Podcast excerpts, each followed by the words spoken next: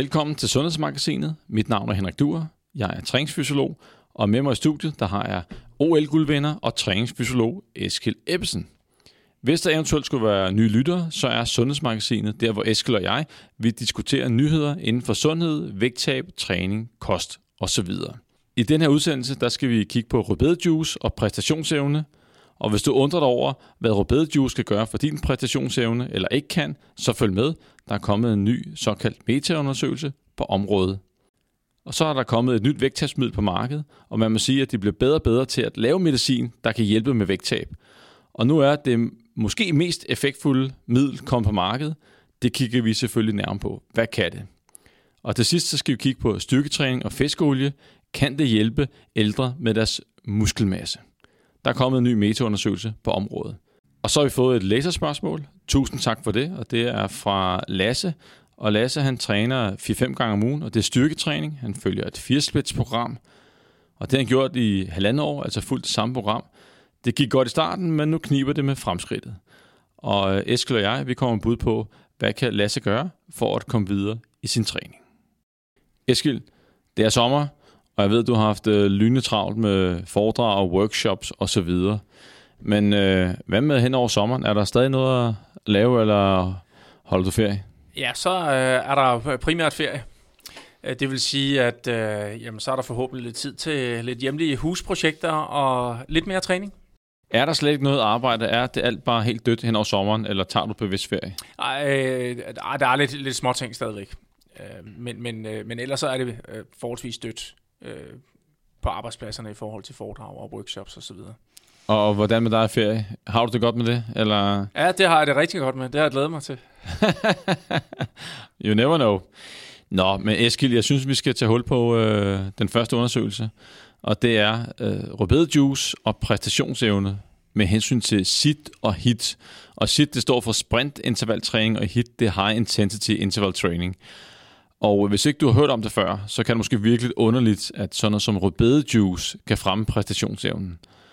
Og Eskild, hvis vi skal blive en lille smule mere specifikke, hvor er det så altså indtil videre helt præcist, at rødbedejuice har vist sig at kunne påvirke præstationsevnen eller fremme den?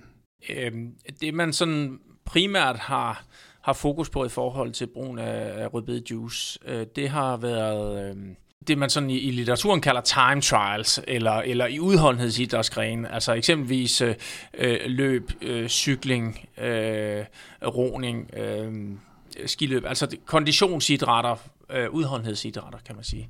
Øh, der har man... Øh, øh, set en effekt, øh, og det har været sådan lidt individuelt, øh, om man nu responderede på det eller ikke responderede på det.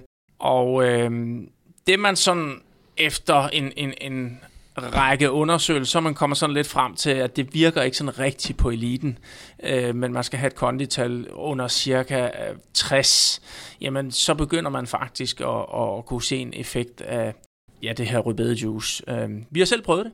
Øh, da det kom frem, at øh, der måske kunne være et potentiale her. Så vi lavede simpelthen, fik, i samarbejde med Team Danmark, lavede vi simpelthen et setup, hvor vi øh, også prøvede at blende øh, og lavede, lavede test. øh, og vi havde ikke nogen øh, effekt af det, så, så vi har ikke brugt det andet end de, de få gange, vi testede det. Men for folk, som ikke er elite, det kunne være mig, og jeg har et kontal helt sikkert på under 60, så, hvad hedder det, så kunne det være en effekt, hvis jeg nu skulle løbe et halvmarathon, eller hvis jeg skulle cykle et, et cykelløb eller en time trial. Er det sådan relevant for sådan en som mig? Er, er der virkelig noget at hente, eller er det bare få procenter? Kan, man, kan, kan det rykke noget? Ah, jeg, jeg er ret overbevist om, det er meget, meget lidt, vi, vi taler om. Uh, nej, det er ikke noget mirakelmiddel. Så det får mig ikke under tre timer på et, et maraton. Nej, det, det får dig ikke lige pludselig op i eliten. Og hvis nogen undrer sig over, jamen, hvad er det øh, i rødbedejuicen, øh, som kan gøre, at præstationsevnen kan blive bedre inden for, for konditionstræning, så er det, at øh, der findes et stof i, i rødbeder, som også findes i spinat og salat og andre steder, øh, som hedder nitrat. Og nitrat, det kan i kroppen omdannes til, i sidste ende til noget, der hedder nitrogenoxid. Og det er et, øh, eller kvælstofoxid, er der også nogen, der kalder det. Og det er et, et vigtigt signalmolekyle. Det kan påvirke indersiden af, af vores blodkar. Men det ser også ud til, at det kan forbedre vores nyttevirkning, hvor effektiv vi er, når vi, når vi konditionstræner, altså løbeøkonomi og, og cykeløkonomi. Og øh, Eskil, er, er det, øh, ud fra hvad du ved, er det der på bevægelsesøkonomien, at det er tiltænkt at have sin, sin største effekt? Ja, det er det. Øh, de undersøgelser, vi kiggede igennem dengang, der, der kunne man ikke se nogen effekt på den maksimale iltoptagelse.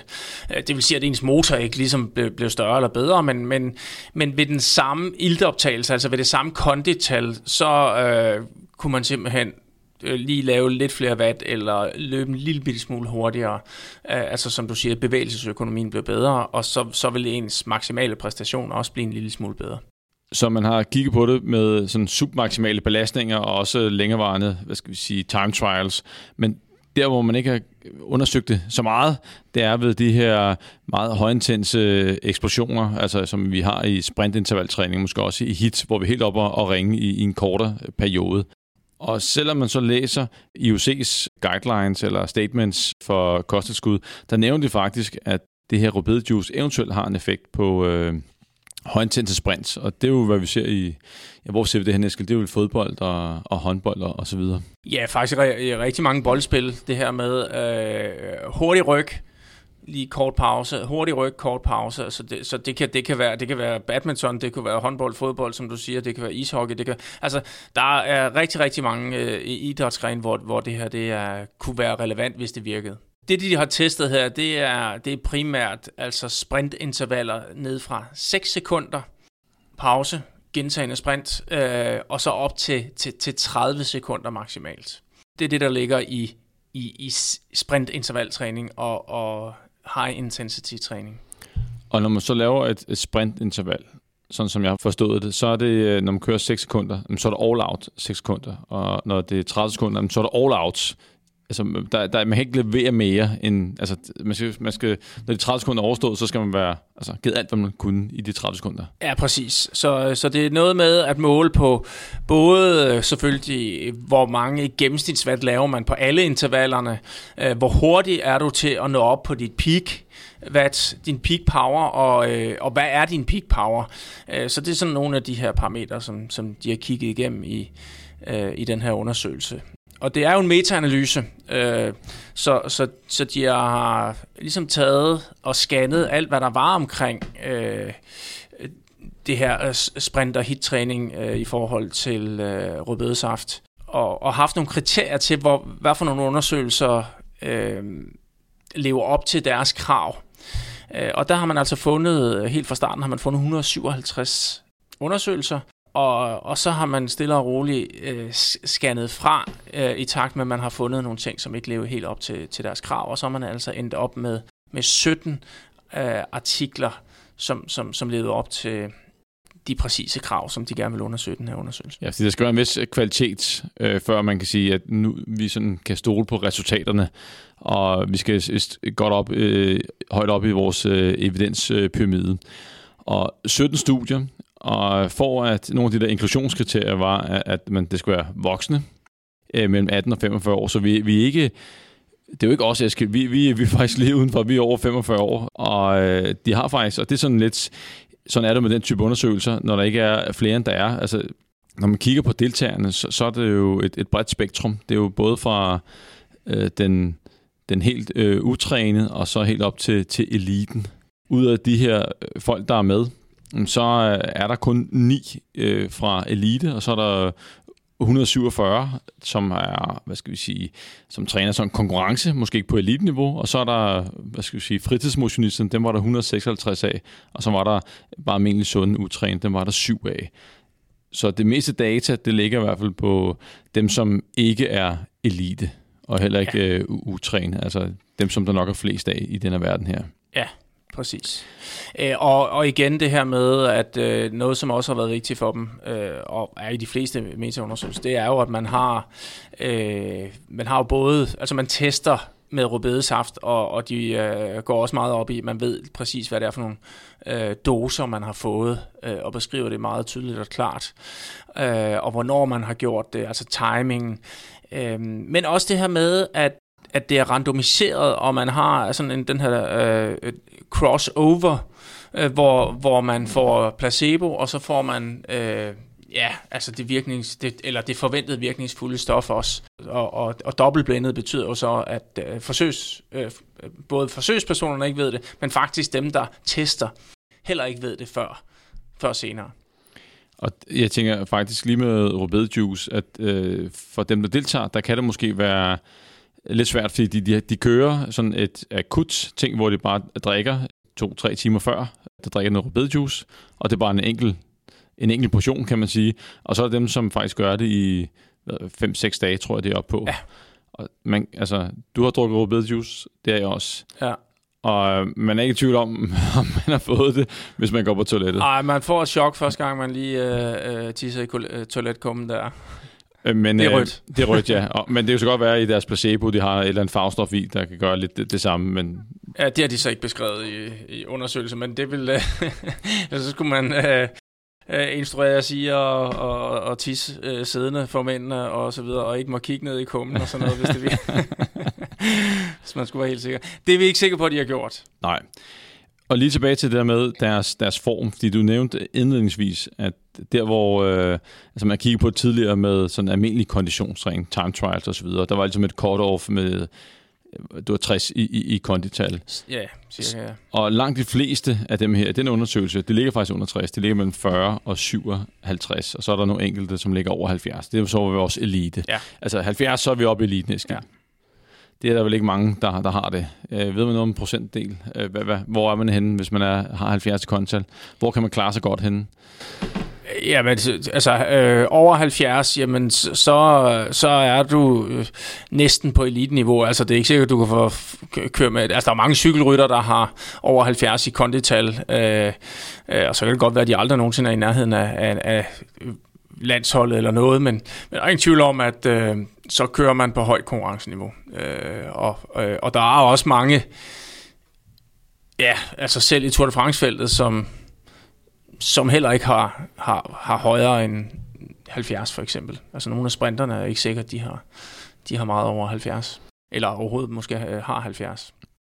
Og så var en anden ting, du nævnte også lige, øh, det med doserne. Og øh, et sted mellem 4,84 millimol og til 12,9 millimol. Det lyder måske som øh, en mærkelig størrelse, men det er bare for at fortælle, at fra den lave ende af doseringerne øh, op til den høje, der er altså øh, i hvert fald faktor 2 til forskel. Eskild og jeg, vi, vi elsker jo at kigge på nuancerne, og der kommer jo relativt mange nuancer med, hvis man kigger på, at der kun er 17 studier. Vi har folk mellem 18 og 45 med. Vi har også folk, som er utrænet, sådan fritidsmotionister, øh, folk, der dyrker på sådan seriøs træn, og vi har eliten med. Så har vi forskellige doser af, hvad hedder det, øh, af, nitrat. Det giver altså en, en voldsom mange øh, kombinationsmuligheder. Så, så men, det bliver vel kun sådan helikopteren, man, man kan lave noget på her, Eskild. Ja, det må man sige. Øh, bortset fra, at øh, hvis vi skal springe lidt til resultaterne, Lad os gøre det. ja, øh, så viser det sig, at øh, rødbedejuicen ikke har virket. Øh, På sprint og hit. Ja, og det var næsten uanset, øh, vi kommer lige tilbage til det, og jeg siger øh, næsten uanset, hvilket setup man havde. Men der var faktisk øh, tre ud af de her 17 studier, som viste en øh, signifikant fremgang for, for deltagerne. Øh, og det var dem, der lavede jojo-test. Eller øh, i Danmark, hvis nogen har prøvet bip-test. Øh, det betyder simpelthen, at man, man øh, altså løber 20 meter, så holder man en pause, løber 20 meter igen, og så øger man, så skal man øge hastigheden til, til man ikke kan mere. Og det har de altså valgt at tage med i, i, i hit og sit øh, reviewene her. Hvor, hvor vi jo egentlig sidder og tænker, øh, jamen det er faktisk lidt mere en, en, en, måske en konditionstest, end det er deciderede sprintintervaller.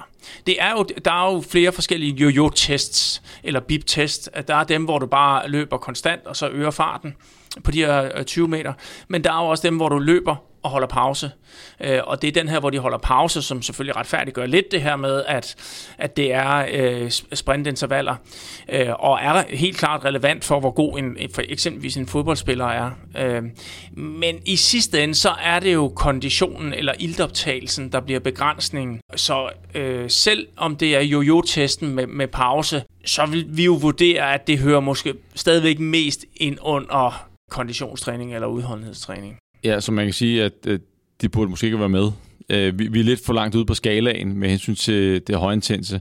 Fordi hvis man sammenligner, hvis man prøver at løbe jo også den her intervalresolutionstest, og man også har prøvet at lave en 30 sekunders all-out-test øh, på cykel, så er de to ting jo ikke i nærheden af hinanden. Heller ikke, hvis du har lavet en 10 sekunders all-out sprint, så er det heller ikke i nærheden af hinanden. Så jojo-testen er jo relativt langt fra, uanset hvilken version vi har af den, i forhold til sådan nogle rigtige sprintintervaller. Ja. Så dem, øh, de burde måske være, være, være pillet ud, men så har vi kun været nede på, på, på 14 studier. Ja. Så udenbart ingen effekt, og i, i, øh, i den her IOC øh, Position Statement med, fra 2018 med hvilket kosttilskud, der har en effekt, der skriver så, at resultaterne er måske tvetydige, og der er måske en måske-effekt af, af det her for, for teamsports, altså fodbold, håndbold osv. Og hvis de her resultater er nogenlunde retvisende for, for teamsports, så øh, de her sprintting her, øh, så er der i hvert fald ikke nogen øh, udenbar effekt. Men man kan så sige, at hvis vi nu kigger på jojo-testen, den er måske, den er i hvert fald meget anvendt i øh, teamsports, også med, med pausen. Så måske er der noget at hente fra fodbold og, og, og håndbold, fordi det er jo lidt mere jojo-agtigt, og ikke bare all-out sprint hele tiden. Måske. Ja, måske. Altså, i nogle perioder er der jo øh, virkelig øh, knald på i, i fodbold og håndbold, øh, hvor, hvor du simpelthen ikke får nok pause. Øh, og så bliver det jo pludselig øh, konditionen, der er begrænsning, og evnen til at lave gentagende sprint. Men ja. øh, umiddelbart vil vi sige, at øh, der, er, der er ikke... Øh, undersøgelsen viser, at der er ikke nogen effekt. Og, og det vi også... Øh, skal huske at øh, sige, at der er blevet gjort i den her undersøgelse, øh, som vi også var lidt inde på før, det er jo, at man har sorteret alle de dårlige undersøgelser fra. Øh, og der kan det sagtens være mange af dem, der rent faktisk har vist et positivt resultat tidligere. Ja. Som simpelthen ikke har levet op til, til den standard, øh, man gerne vil lave undersøgelser med, hvis, hvis, man, hvis man virkelig går dem lidt på klingen. Jeg vil godt tænke mig at se i fremtiden, og det ved jeg godt, der, der går lang tid, at der bliver lavet 10-15, måske 20 øh, fodboldspecifikke undersøgelser med rødbedejuice, og bare forsøge at se, om øh, ja, det må, i princippet er det nemt nok at lave, og, fordi det er jo ikke noget, der så lang tid, øh, seks dage med en, en høj dose, så kan man jo øh, måle en effekt. Fordi at øh, i fodbold, som mange andre øh, sportsgrene, jamen, så er det jo øh, en sportsgren, hvor at, øh, på professionel plan, at det er marginalen, der, der afgør det. Og hvis man kigger på øh, økonomien i at købe rødbedejuice øh, til holdet, det er jo ikke dyrt. Og, Nej, og risikoen af bivirkningerne, ja, de er der jo ikke rigtig ud over øh, rød, rød urin. Ja, det er rigtigt. Der er, øh, øh, det, der er ikke nogen øh, øh, nævneværdige bivirkninger. Og, øh, men, men jeg vil sige, for den, øh, for den almindelige dansker kan det jo godt øh, gribe lidt ind i økonomien, hvis man skal ligge og tage de her shots. Præcis. Eskild, ikke mere rødbedejuice. Lad os rette vores fokus mod vægttab, og der er kommet et nyt vægttabsmiddel på markedet.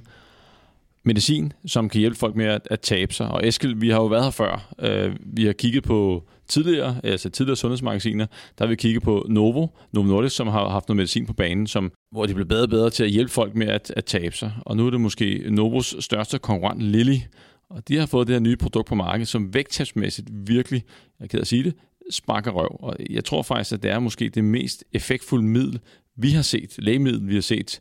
Og vi nærmer os altså, øh, hvad skal vi sige, en effekt, som man ser ved, ved fedmeoperationer. Og hvad er sådan din, din udenbare tanke, Eskild, da du læste de resultater her? Vi skal nok komme ind på resultaterne, men, men de er jo relativt hæftige.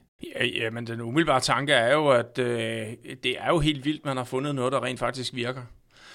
Øhm, og det man har gjort, det er jo, at øh, øh, stoffet hedder øhm, øh, øh, tirsepatide, tirsepatide. Øh, og, og det de så har gjort, det er, at man tager simpelthen en injektion øh, en gang om ugen, øh, og det har de så gjort i fire forskellige scenarier. Altså et, hvor man får 5 gram af det her tirsepatide. Milligram. 5 milligram, yes. Øh, 10 milligram, 15 mg, og så placebo, altså hvor man tror, man får et aktivt stof, men ikke gør det. Og øh, effekten var altså meget tydeligt større og større, jo, jo mere man tog. Altså man vil lige sige, at der var ikke meget ekstra effekt af at tage 15 mg i forhold til 10, men, men øh, dog en større og større effekt.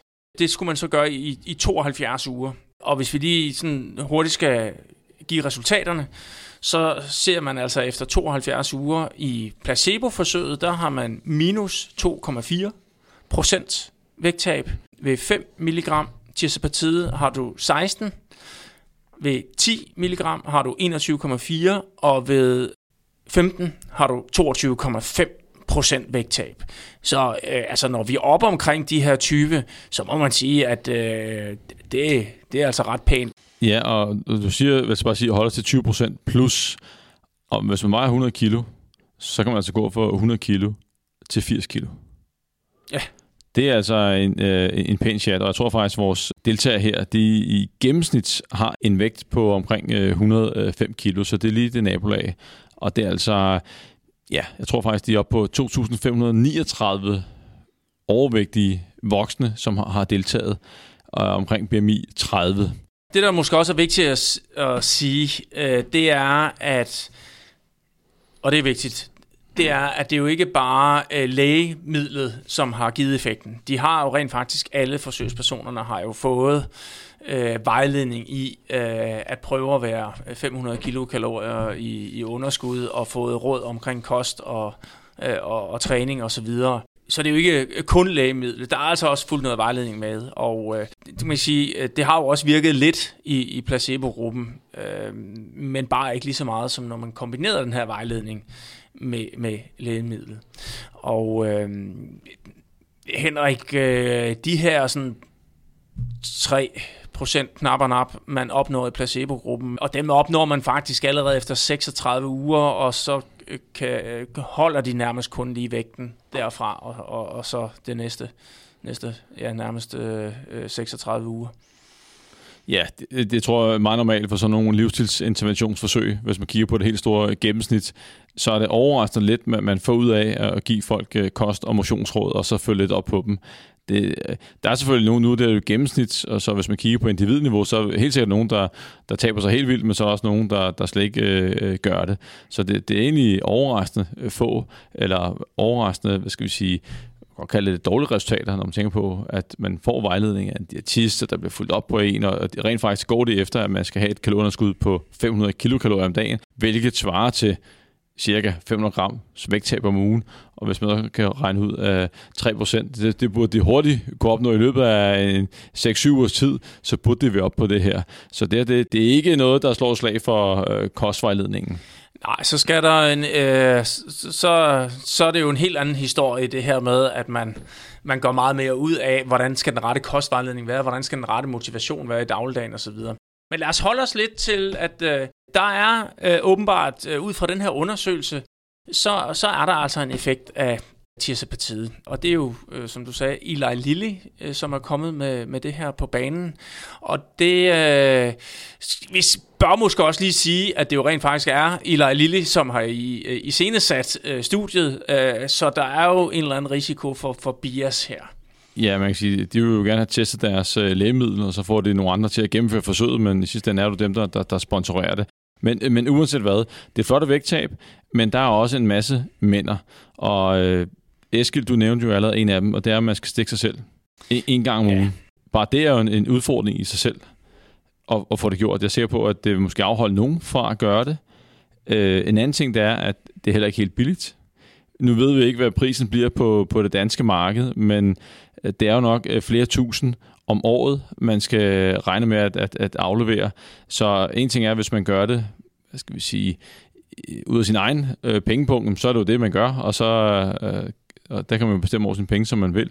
Men hvis vi er inde i det offentlige system, og man skal hjælpe folk og give folk den, den her øh, medicin, så tænker jeg, at man skal på en eller anden måde kvalificeres, man skal screenes, så det er ligesom, hvis man skal lave en fedmeoperation. Man kan ikke give den her medicin øh, til alle, fordi at, øh, når vi ser på, hvor mange i Danmark, der har BMI 27, og det er over 30, det er virkelig, virkelig mange mennesker, og så vil der komme et, et stormløb ned hos lægen. Omkostningen vil jo være øh, kæmpe enorm, og vi kender jo ikke effekten efter de her ja, 72 uger. Fordi, hvad, hvad sker der, når de stopper med at, at tage medicinen? Vi kan jo se på vægtkurven, at efter det første år, så er øh, det meste af vægttabet noget, øh, opnået. Og så går der 20 uger, hvor der ikke rigtig sker noget. Og det kan man så undre over. De har stadigvæk de gode kostråd, og det er selvfølgelig, at de kommer langt ned i vægt, og det bliver svært svært at tabe sig, og måske er de mere tilfredse. Men hvad sker der, når de stopper med at tage medicin? Det er jo altid det store spørgsmål. Er hele investeringen så tabt? Så jeg vil da sige, at øh, en, grundig screening med hensyn til parathed, hvor motiveret er man øh, for at, at gøre det her, og hvis ikke øh, at der bliver leveret resultater undervejs, så stopper man egentlig øh, behandlingen, fordi at det, den, altså, den er jo omkostningstung. Ja, ja, noget andet, øh, som vi også skal, skal kigge på, øh, det, er jo, det er jo bivirkninger. Absolut. Det skal man huske at med. Ja, og der er jo rent faktisk en, en, en hel del bivirkninger, øh, som man har meldt ind øh, ved det her, og, og, og også specielt ved det her forsøg. Og faktisk viser det sig, at det er over 80 procent, øh, øh, der, der melder en eller anden form for øh, bivirkning øh, ved, ved, i, i forbindelse med den her periode. Ja, 80 procent.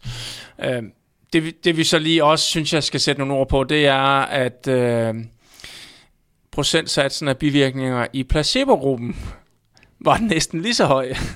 Den var 72 procent, har yeah. meldt, meldt ind på en eller anden form for bivirkning. Øhm, så det, det er jo en lidt sjov øh, ting også at have med. Øh, og det er jo derfor, man har placebo med. Det er jo, fordi man sammenligner øh, forskellen med, hvad, hvad, hvad, hvad sker der i placebo-gruppen i forhold til dem, der rent faktisk får det aktive stof. Og man kan undersøge over, hvad er det egentlig, der har givet bivirkningerne i placebo-gruppen, fordi de har jo ikke rigtig tabt sig. Det er jo ikke det store kalorunderskud, der har gjort, at de er gået sulten i seng og blevet svimle og, og så videre. Så hvorfor i alverden øh, har vi så stor en andel, der har bivirkninger hos placebo-gruppen? Det, det er sådan en meget sjov tanke. Men når vi så går tilbage og kigger på øh, de generelle bivirkninger, hvad er det så, folk bokser med? Jamen, det er kvalme, det er opkast, det er forstoppelse, og det skal så også siges, at øh, det var i, i kortere perioder, typisk når de satte dosen op. Så det er der, man oplevede bivirkninger, så det var ikke i alle 72 uger. Vi kommer samlet set, så kommer vi jo tættere og tættere på en medicinsk løsning for overvægt. Det er der vi ikke tvivl om. Det er bare et spørgsmål om, om man har økonomien i samfundet til at gøre det. Og lad os sige, at de også får lavet et, i stedet for at man skal stikke sig, at de rent faktisk får lavet en, en pille, eller endnu bedre, et plaster, som man ikke skal huske at tage pillen, men bare får klistret plaster på en gang om måneden nede hos lægen, og så øh, rasler øh, det af. Så jeg, jeg ved ikke, hvor mange år der går, Eskild, men 10 år måske, så, så er man altså rimelig langt. Og hvis der også kommer lidt konkurrence på priserne, og de kommer ned, så bliver der noget, folk kommer til at betale ud af egen lomme. Og der findes jo faktisk allerede klinikker i Danmark, hvor at man kan få kostvejledning, og så kan man betale, det er så noget nordisk medicin, man kan betale for at få ved siden af. Det er selvfølgelig en halvdyr omgang, men det kan være, at folk synes, det er det værd. Det, det, det er jo en, en udfordring, som øh, en del mennesker kæmper med.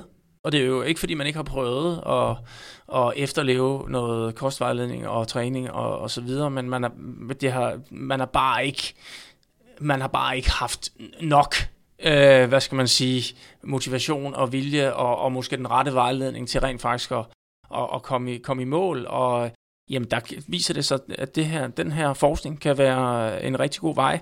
Og øhm, og der er jo også en god historie i artiklen omkring øh, udviklingen af de her øh, stoffer, hvor, hvor, hvor man jo er endt op med at, at rent faktisk finde et stof, som, som kan øh, virke ved at sænke mavetømningshastigheden. Det vil sige, at øh, du holder simpelthen på din mad længere tid i mavesækken, og dermed også forbliver mæt længere tid. Den påvirker også øh, øh, sultcentret i hjernen, så du føler dig mere sult ved den, ved den samme mængde mad øh, og sænker blodsukkeret. Så det er jo, det er jo et, øh, kan man sige, øh, diabetes-medicin, øh, øh, som det er udviklet ud fra.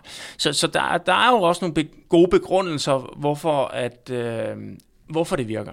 Ja, og man kan sige, det, det spiller jo på mange, altså her, tre, tre fronter, og jeg synes, det, det er meget godt tænkt.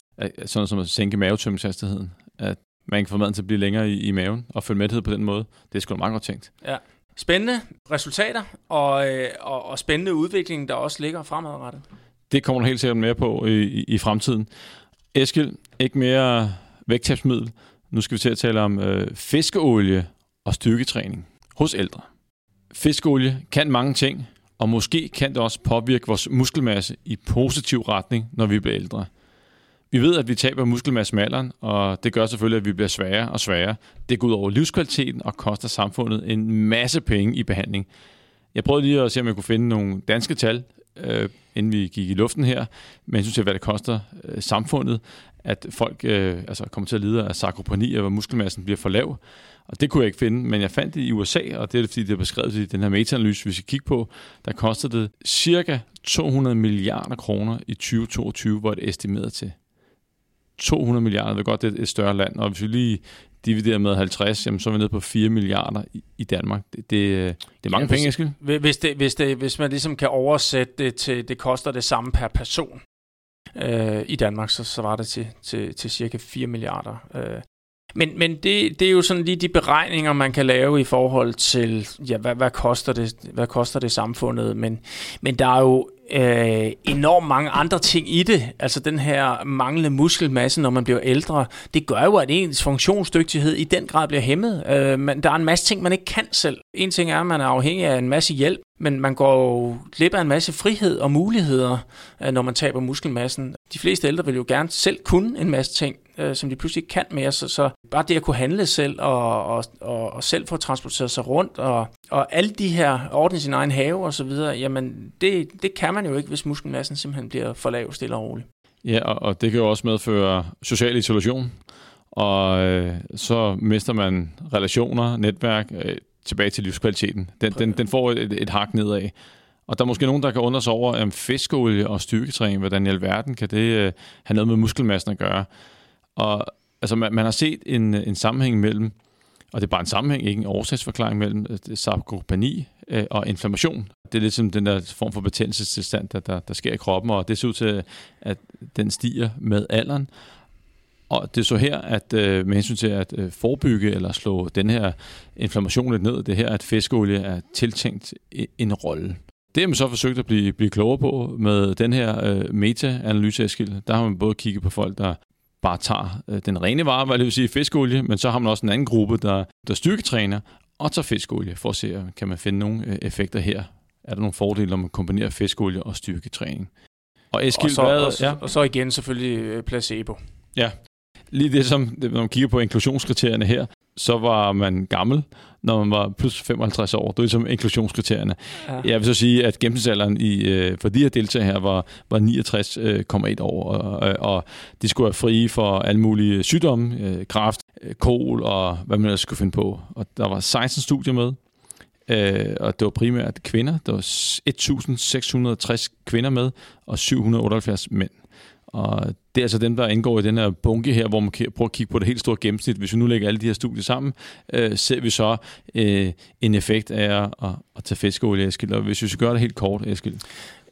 Ja, men hvis vi gør det helt kort, så fandt man ikke nogen effekt øh, på muskelmassen. Altså øh, dem, der tog fiskeolie, øh, havde altså ikke øh, mere eller større muskelmasse end, end, end dem, der, dem, der fik placebo.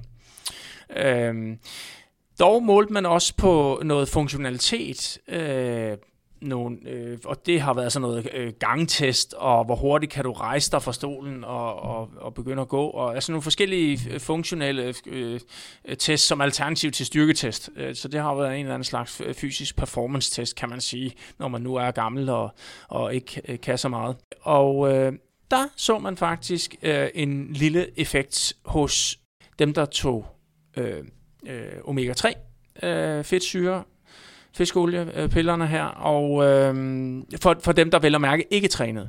Man så ikke nogen effekt hos dem, der trænede. Og man har sådan set kigget på både overkropsstyrke og underkropsstyrke.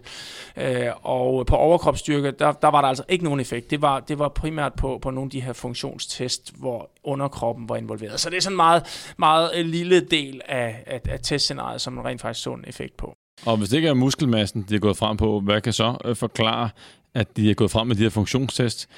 Øhm, det kan vi gisne om, men øh, oplagt så ligger der noget i, det må være nervesystemet, at der, at der er sket noget, om de bliver bedre til at øh, rekruttere og aktivere muskulaturen, ellers har de bare lært testen og blevet dygtige til den, og så på den måde fået en, en præstationsforbedring. Det ved vi ikke noget om. Men i, i hvert fald så var der ikke, øh, hvad skal vi sige, noget, der, hvor man siger, okay, det er vigtigt, at du tager fiskolie, når du bliver ældre, for at øh, forebygge tab af muskelmasse. Der, der, der er noget andet, der går foran for det. Ja, præcis. Altså, det her det er jo sådan et lille sådan ekstra håb om, at der måske kunne være et eller andet øh, nemt, man lige kunne gøre. Men ellers så må vi jo sige, at øh, der er i hvert fald tre ting, som, øh, som er enormt vigtige for at kunne holde på muskelmassen, eller måske endda øge den, hvis ikke du har gået så meget op i det sidste. Det er jo først og fremmest, at du laver styrketræning. Øh, og lige for at gentage det, dem, der lavede styrketræning, havde ikke nogen effekt af, af omega-3 fedtsyre. Øh, styrketræning helt klart øh, nummer et prioritet. Så er der det her med at få protein nok og få energi nok. Altså at du er i energibalance. Det er der mange ældre, der simpelthen spiser for lidt. Men også at man får nok protein. Og det kan være, at nogen måske endda skal supplere med noget proteinpulver eller noget for at, at kan, kan få det til at gå op. Øh, og så har vi jo kigget på kreatin også, som, som vi jo har set er en, en, en vigtig del også af. Og, og hvis, hvis man ønsker at øge sin muskelmasse, så, så er det altså et af de øh, ja, nærmest eneste øh, lovlige supplementer, som, som, som har en effekt. Jamen, prøv at forestille dig, hvis man kunne, det er selvfølgelig fuldstændig frit for folk at, at gøre det eller ej, men forestil dig, hvis alle ældre i Danmark, plus 50, plus 60, gik i gang med at lave styrketræning, progressiv styrketræning. Man sørger for, at de fik nok at spise, og de rent faktisk fik nok at spise nok protein, og man supplerede med kreatin. Jeg er ikke et sekund i tvivl om, at det ville være en fantastisk øh, pensionsopsparing, og øh, man vil øh, i, i ens egen livs, livskvalitet, men man vil også spare samfundet for en masse penge. Og jeg tror ikke, at vores sundhedssystem får flere penge per hoved fremadrettet, sådan som det ser ud nu. Så det handler om at holde sig ud af sundhedssystemet af den ene eller anden årsag. Og her er øh, styrketræning og, og den rette kost. Det, det er altså det er effektfuldt. Det er jeg ikke et sekund i tvivl om. Og når vi så taler styrketræning, Eskild, så har vi også et, et læserspørgsmål spørgsmål, vi har fået fra vores lytter, det er Lasse. Og tusind tak for, for det, Lasse. Vi er altid glade for at uh, få spørgsmål. Og uh, hvis der er nogen, der sidder derude og tænker, jeg har også et spørgsmål til kost, træning, vægttab, sundhed, jamen uh, så send det gerne uh, til mig uh, på infosnablag.henrikdur.dk eller skriv til mig på de sociale medier, så vil vi hellere gerne uh, tage det op i vores uh, podcast her. Og Lasse her, han, uh, han laver styrketræning, og han skriver i en, i en besked, at han har trænet i halvandet år, og fuldt et program øh, på nettet, hvor han træner 4-5 gange om ugen. Han laver så et såkaldt 4-splits-program, og det vil sige, at øh, han har delt øh, kroppen op i, i fire dele, således at, at øh, hvis han træner fire gange om ugen, så kommer man kun igennem kroppen en gang om ugen. Men hver gang han træner, så ligger han sted mellem ja, 14 og 17 sæt. Så vi, vi, vi er godt deroppe af i, øh, i, i volumen, så han, han går til vaflerne. Og Eskild, når folk siger til dig, at øh, de har trænet et stykke tid. Det gik godt i starten, men nu går det ikke så godt længere. Det vil sige, at fremskridtene udbliver. Hvad tænker du så? Hvad er, sådan, hvad er det første, der, der popper op i dit hoved? Ja, jeg tænker, at det er jo sådan der. altså, det er jo den største gave ved at være utrænet. Øh, det er jo, at det går lynhurtigt frem. Øh, og det er jo det, man er jo en af de sjoveste ting ved at træne. Det er jo at mærke fremgangen. Øh, men når man har trænet et stykke tid, jamen så, så når man et eller andet øh, hvad skal man sige, vedligeholdelsespunkt, hvor nærmest det, det du træner, øh, det, det er kun lige nok til at holde din, den, øh, den træning ved lige, som, som, øh, eller den form ved lige, eller den styrke ved lige, som, som, øh, som øh, i forhold til den indsats, du laver. Men det vi jo selvfølgelig også skal diskutere her, det er, om, om nogle ændringer i programmet rent faktisk kan, kan give det her løft til, til Lasse, som gør, at han fortsætter fremgangen, uden nødvendigvis at bare skal lægge på. Øh, og det tror vi på, at der er nogle muligheder for. Absolut. Altså, man kan jo sige, en ting, som måske ringer en, en alarmklokke, det er, hvis man, at man har fulgt det samme program i halvandet år. Det er klart. Vi ved, at inden for al træning, øh, og hvis man laver en årsplan eller halvanden årsplan, hvad det nu måtte være, så taler vi om periodisering, Øh, vi snakker om øh, variation, eventuelt også øvelser, og på andre områder, som, som er, er vigtige dele. Og hvis vi kigger på sådan de generelle anbefalinger, så er der en professor, der hedder Brad Schoenfeld, som opfordrer alle til at følge. Han er super dygtig inden for styrketræning. Og han har sådan en, øh, jeg så den, jeg læste et interview med ham, hvor han siger, okay, hvis man lægger som nybegynder fra, fra 10 sæt op til veltræning 20 sæt per muskelgruppe om ugen, jamen, så er man faktisk godt med med hensyn til volumen. Og når vi snakker om styrkefremgang og muskelmassefremgang, så er volumen en vigtig parameter, så er det vigtigt at have styr på den først. Og hvis øh, Lasse ligger her på 14-17 sæt om ugen for en muskelgruppe, jamen, så, så er han faktisk øh, nogenlunde med. Så det er ikke måske det, der er udfordringen. Så vi, vi skal måske prøve noget andet og lave om på programmet. Og han øh, foreslår selv, skal, skal prøve at dele op over to gange, foreslår Ja, præcis, han. og det er jo, det er jo helt oplagt, at, øh, at man kører øh, den enkelte muskelgruppe to gange om ugen. Øh, den, den, den bør være rigeligt restitueret, øh, hvis man er veltrænet. Øh, også selvom man virkelig kører sig i bund hver gang, så, øh, så, så bør man være restitueret efter de her 3-4 dage. Vi skal også måske også lige sige, at volu- når vi taler om øh, den samlede volumen af træning, og det var vi meget inde på i den forrige podcast, øh, det er jo... Øh, øh, øh det, er jo, det er jo antal gentagelser øh, gange, hvor mange kilo du rent faktisk løfter. Så, så det er sådan nærmest, øh, hvor mange kilo du i alt løfter, der, der, der så er volumen, kan man sige. Hvis man kommer sådan et, et, et helt korte, konkrete råd. Et kunne være at skifte øvelserne ud, bare for variations skyld. Jeg vil prøve, at, i stedet for at køre et 4 split, prøve at køre et 2 split i en periode. Og måske, øh, som vi også så i, øh, i en tidligere undersøgelse, som vi har haft med, hvor at vi havde nogen, der var veltrænet med hensyn til periodisering, prøve at gå ned i en periode og køre svine tungt. Altså vi snakker om øh, 4-5 reps til udmeldelse, altså belastning omkring 4-6 RM, og prøve at løfte tungt i, i, i en måneds tid. Selvfølgelig øvelser, hvor man mestrer teknikken og, og, og de ting. Øh, det kunne være en mulighed. Ja, hvis vi lige skal, øh, hvis vi lige skal sige, at øh, jamen, normalt så er det jo at gå helt ned på øh, 4-5 øh, øh, repetition maximum, altså det du maksimalt kan tage øh, 4-5 gange, 6 gange, jamen det er jo typisk for dem, der ønsker at øge styrken, men ikke øh, ønsker at få volumen. Men det vi faktisk lige nøjagtigt så her øh, i en af de øh, tidligere podcasts, det er bare, at, øh, at de faktisk, dem der gik ned og, og, og lavede den her tunge styrketræning, sammenlignet med, med dem, der fortsat op på den, på den høje volumen, øh, dem der lavede en tung styrketræning, fik faktisk øh, kan vi sige, de fik den større styrket fremgang, øh, men de fik faktisk også en større muskelmasse.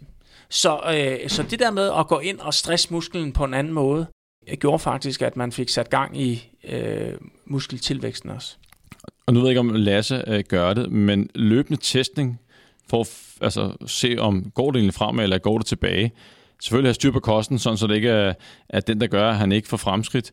Og måske nogle gange, nu er det ikke som sagt, det er ikke verdens hårdeste program, øh, der er ikke så mange alarmklokker, der ringer her, men ellers vil man en gang imellem lægge sådan, indlægge sådan en, en, en let uge, måske hver fjerde, femte, sjette uge, bare for at sikre, at man ikke kommer i overtræning. Og jeg kigger også lige på programmet. Det, jeg ved ikke, hvor programmet er fra, men der er, så, der er i hvert fald sådan nogle ting, hvor man kan stille spørgsmålstegn ved, at det er et godt øh, program.